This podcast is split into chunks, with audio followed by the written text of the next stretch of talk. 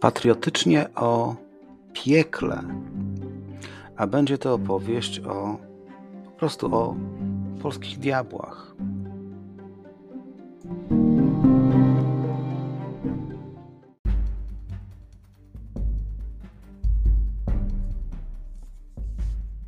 Ryszard Kapuściński powiedział kiedyś: Wszak istnieje coś takiego jak zarażenie podróżą i jest to rodzaj choroby, w gruncie rzeczy nieuleczalnej. Będzie to podcast o podróżach do miejsc niedalekich, o bogatej historii Polski regionu, o miejscach osiągalnych dla każdego i o moich przemyśleniach w historycznych miejscach. Zapraszam, Marcin.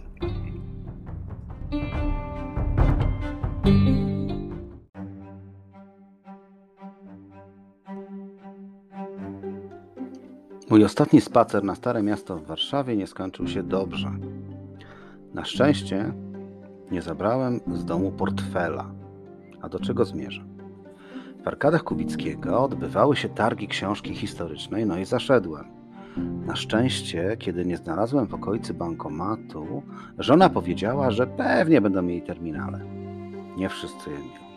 Znów na szczęście, bo kupiłem tylko pięć książek, co nie skończyłoby się tak nisko budżetowo, gdybym miał gotówkę. Jedna z tych książek to książka Witolda Bunikiewicza Żywoty diabłów polskich, którą serdecznie polecam. I tak powstał pomysł na podcast. Ile mamy tych diabłów? I jakie mają historie?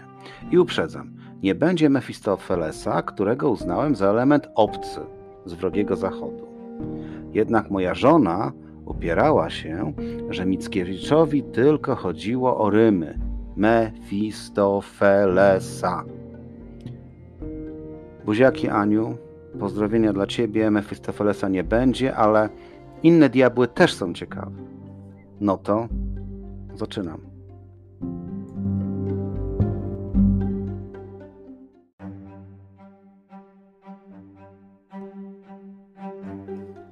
Diabły w polskim folklorze wywodzą się ze starożytnych wierzeń, a wyewoluowały tak naprawdę z wierzeń pogańskich, więc istniały długo przed przyjęciem chrześcijaństwa. W żywotach diabłów polskich jeden z tekstów, tekstów mówi, że diabły żyły w synergii z okoliczną ludnością, dopiero przyjęcie chrześcijaństwo, chrześcijaństwa spowodowało ich złośliwość. Prawdziwym jest stwierdzenie, że słowiańska demonologia jest chyba jedną z najbogatszych na świecie. A gdzie mogliśmy je spotkać, te diabły? No wszędzie, na bezdrożach, w lasach, na polach, czasami w karczmie, niekiedy nawet w kościele. Żeby przywołać diabła, należało ponoć gwizdnąć trzykrotnie na rozstajnych drogach. Prawie każda wieś miała swojego diabła. Diabły nosiły wysokie buty i kapelusze, bo gdzieś trzeba było ukryć kopyta i rogi. Więc wysoki mężczyzna w cylindrze i wysokich butach to już taki nowoczesny diabeł, niczym Paweł Małaszyński z serialu, o którym dyrektor programowy TVN chciałby jak najszybciej zapomnieć, czyli Belle Epoque. Ale popatrzcie na Pawła Małaszyńskiego, on właśnie taki, taki diabeł z wierzeń ludowych.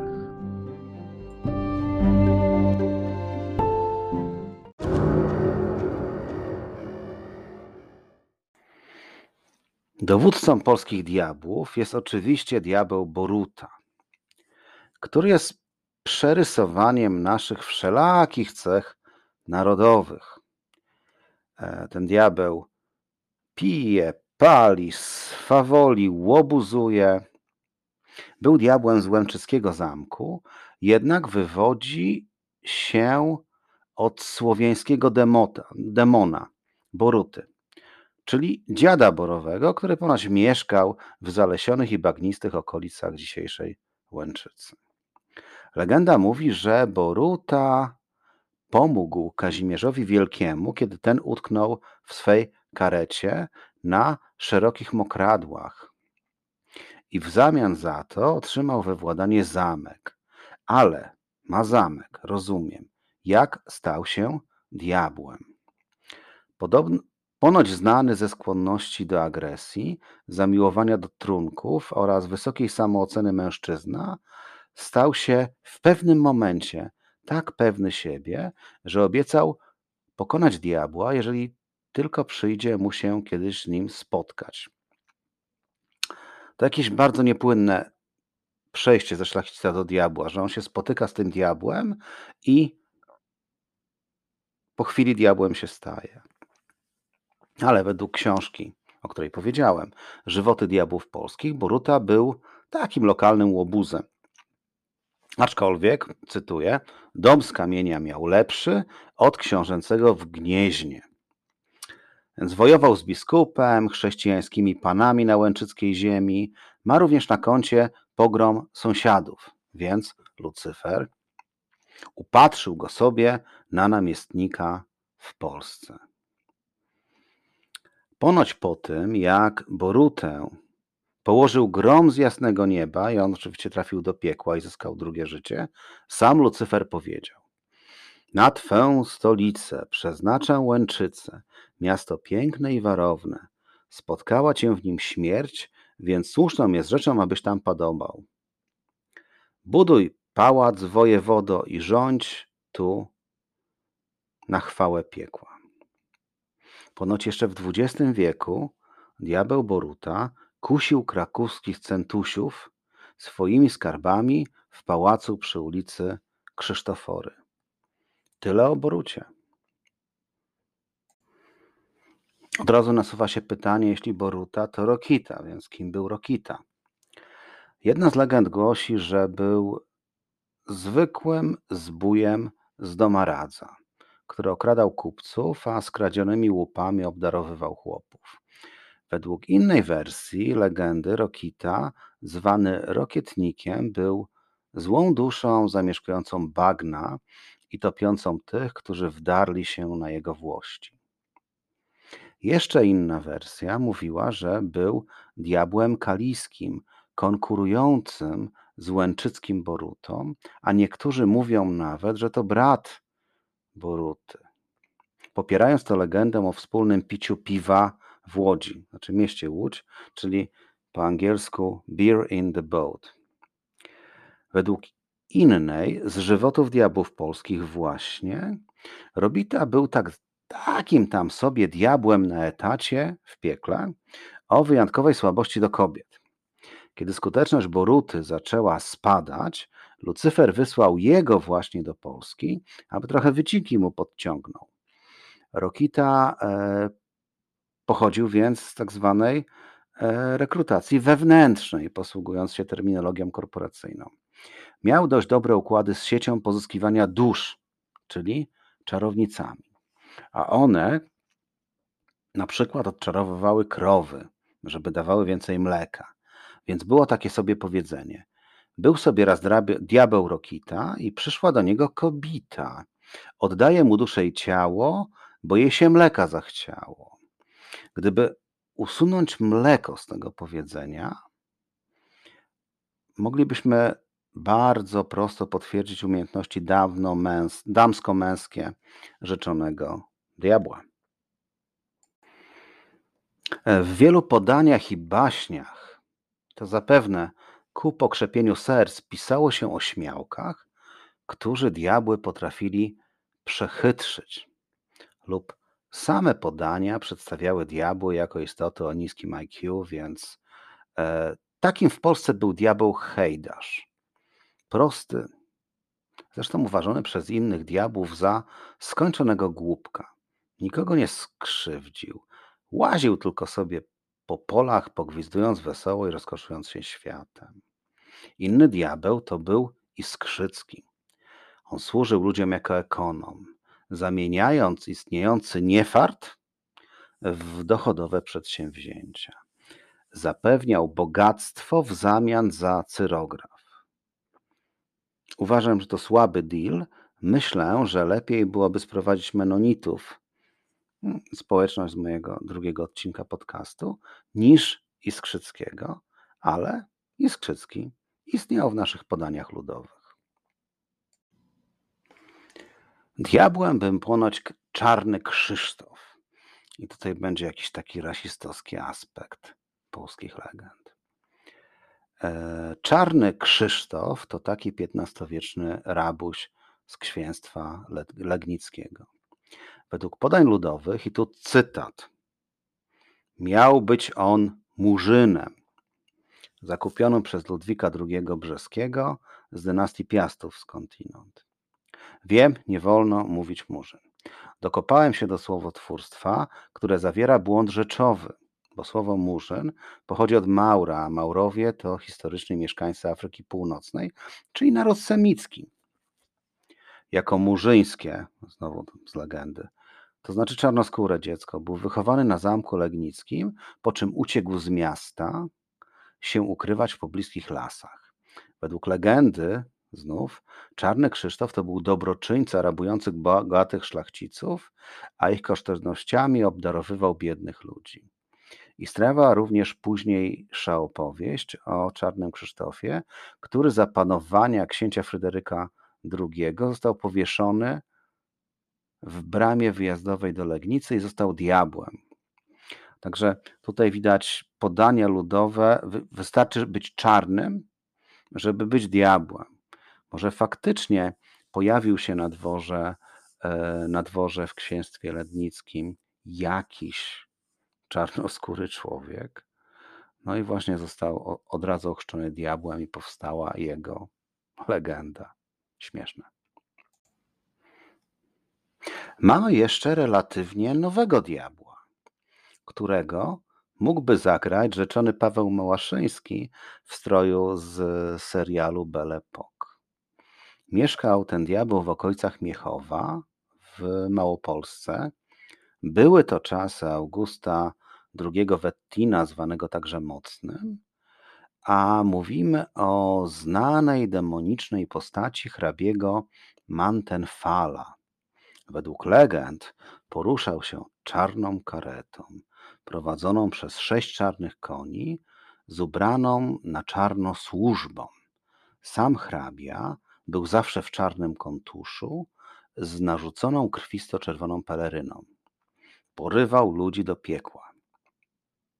Jednak myślę, że wcześniej musiał się dowiedzieć, jacy to ludzie i co on na nich ma. To taki tekst Lubaszenki, ale faktycznie no, porywał, no ale do piekła się trafia za coś, więc musimy się nad tym zastanowić. Nie wolno pominąć diabła kozyry. Gdyby w owym czasie ktoś miał się opiekować automatami o niskich wygranych bądź przepychać ustawę hazardową, to na pewno on. Kozyra specjalizował się w nakłanianiu ludzi do ryzykowania sporych sum pieniędzy. Po prostu nakłaniał do hazardu. Jego ofiary pozbywały się całego majątku, często targając się na własne życie i zyskując potępienie. Podobno wówczas można było usłyszeć złośliwy śmiech kozyry, który cieszył się, że zawładnął kolejną duszą. Na pewno słuchacze z północy powiedzą, a Smentek? Tak, zostały nam dwa diabły kaszubskie, Purtek i Smentek. Smentek znany jest z ludowych legend i pieśni kaszubskich. Był przedstawiany na przeróżne sposoby. Pojawił się w wietrze od Morza Stefana Żeromskiego, czy też jako kulawy bosman Don Smenteko u Jerzego Bogdana Rychlińskiego. Powiadano także, że do śmierci zadanej biskupowi Wojciechowi w jego chrystianizacyjnej misji przez pogańskich Prusów zadanej przyczynił się sam Smentek. Postać Smentka na trwałe weszła do literatury kaszubskiej, między innymi za sprawą dzieł Hieronima Derdowskiego, Aleksandra Majkowskiego, Jana Karnowskiego czy Jana Dżerżdżona. Ale jaka jest jego legenda? Ja na razie szukam. Smentek pojawia się również w reportażu na tropach smętka Melchiora Wańkowicza. Postać smętka występuje zarówno jako postać z ludowych wierzeń Mazurów i Warmiaków, jak i symbol ich germanizacji. Autor nawiązuje w ten sposób do wspomnianej już powieści Żeromskiego. Jednak smer, smętek nie jest warmiński, więc Wańkowicz użył go jako jakiegoś mm, uniwersalnego diabła, co nie zmienia faktu, że tytuł jest dobrze dobrany dla bardzo ciekawej książki.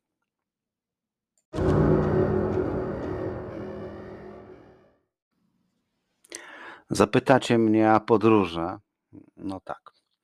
Zacznijmy od Melchiora Wańkowicza i jego kajaka. Kajaku, kajaka, nie wiem, nieważne. O nazwie Kuwaka, którym przemierzył Warmię i Mazury, pisząc na tropach Smętka. Obecnie czytam to fragmentami i jest obłędne. A książka, a właśnie ciekawa historia.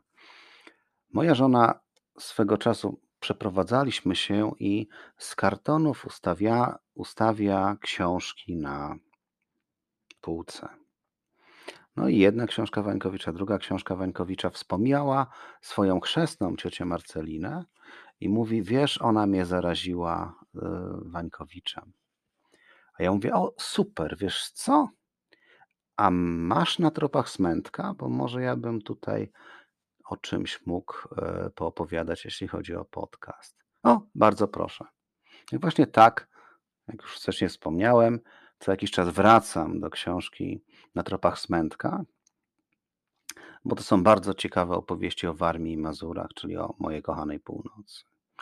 Wiem, że Wańkowicz wtedy zyskał jakieś zarzuty, że tą książką wydał Polonię warmińsko-mazurską, co było totalną bzdurą i to były akta propagandy i artykuły napisane na niego w czasie, kiedy jeszcze nie powrócił do Polski. Właśnie też tę książkę pamiętam kiedyś namiętnie chodziłem do mm, e, biblioteki publicznej na Oksywiu i w Gdyni na Oksywiu i moja mama powiedziała Marcin, jakbyś szedł to zapytaj, czy nie mają książki na tropach smętka. I pamiętam, przyniosłem takie bardzo ładne wydanie, które miało dużo zdjęć. Więc wtedy mamy zapytałem, e, mamo, a kim był ten smętek? Mama mówi, no to smętek, smętek, diabeł. A w tym samym czasie czytałem książkę właśnie Rychlińskiego Don Smęteko i tutaj nie umiałem, nie umiałem tego połączyć, ale motyw jest ten sam ten sam, po prostu smętek.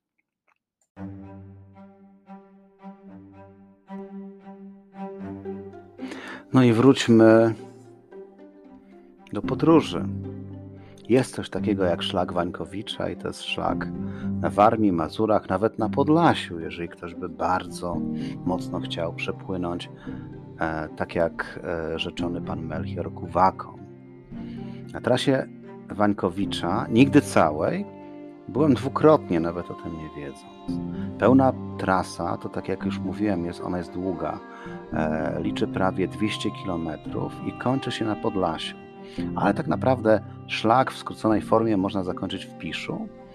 Mm, w Piszu, w którym kiedyś nocując głupio, zapytałem, czy to Suwalszczyzna. Dostałem bardzo niema, niefajną odpowiedź. Jeszcze nie. Zaczynamy w Spychowie, które za czasów Wańkowicza, a za czasów Wańkowicza jeszcze nie było filmu, e, nazywało się Pupen. No, oczywiście miejsce jest znane z filmu Krzyżacy. E, kajaki można zwodować na jeziorze Spychowskim. Płyniemy do Spychowskiej Strugi, będącej ujściem Krutyni. E, większym jeziorem na na trasie będzie Zdróżno, po przepłynięciu którego trafimy na jezioro Uplik. Przy jego prawym brzegu stworzono rezerwat, czaplisko-ławny lasek, będący ponoć królestwem czapli siwej. Kolejne ciekawe miejsce na trasie to wieś Zgon. zarówno architektoniczne, ale choćby po to, żeby sobie zrobić tak zwaną e, switaśną fotkę pod nazwą miejscowości na media społecznościowe. Podobno jezioro, e, jeziora Mokre, Krutyńskie rezerwat Krutynia, którego patronem jest Melchior Wańkowicz, to najpiękniejsze zakątki Mazur. Po przepłynięciu przez wieś Krutyń mija się jeszcze Krutyński Piecek, Wojnowo, ze słynnym klasztorem staroobrzędowców. O, to jest bardzo ciekawy temat, staroobrzędowcy i można by o nich też chwilę poopowiadać. Oraz Uktę. Następnym na trasie są jeziora Gardyńskie, Malinówko i Jerzewko. Miłośników budowli hydrotechnicznych czeka przeprawa śluzą Łuzianka, którą wybudowano w 1879 roku. Z przeprawy korzystają zarówno kajaki, jak i jachty, motorówki, a także większe jednostki z żeglugi tzw. Tak szuwarowo-bagiennej. No i potem szlak na Ruciane Nida, a później Jezioro Nickie i Leśniczówkę Pranie. Ostatnim przystatkiem na Jeziorze Nickim jest wieś Jaśkowo. Kajaki do Pisza niestety trzeba lądem, bo kanał niegdyś łączący jezioro Wiartel z Nickiem jest obecnie niedrożny. Pisz szczyci się tym, że znalazło się na trasie kajakowego spływu Wańkowicza. Zróbcie sobie zdjęcie pod pomnikiem pisarza. Przedstawię jego postać stojącą przy kajaku, natomiast na drugim brzegu rzeki na bulwarze umieszczono wykonaną z granitu książkę na tropach smętka. Zacząłem książką i skończyłem książką. Ale do Wańkowicza jeszcze wrócę. Do usłyszenia.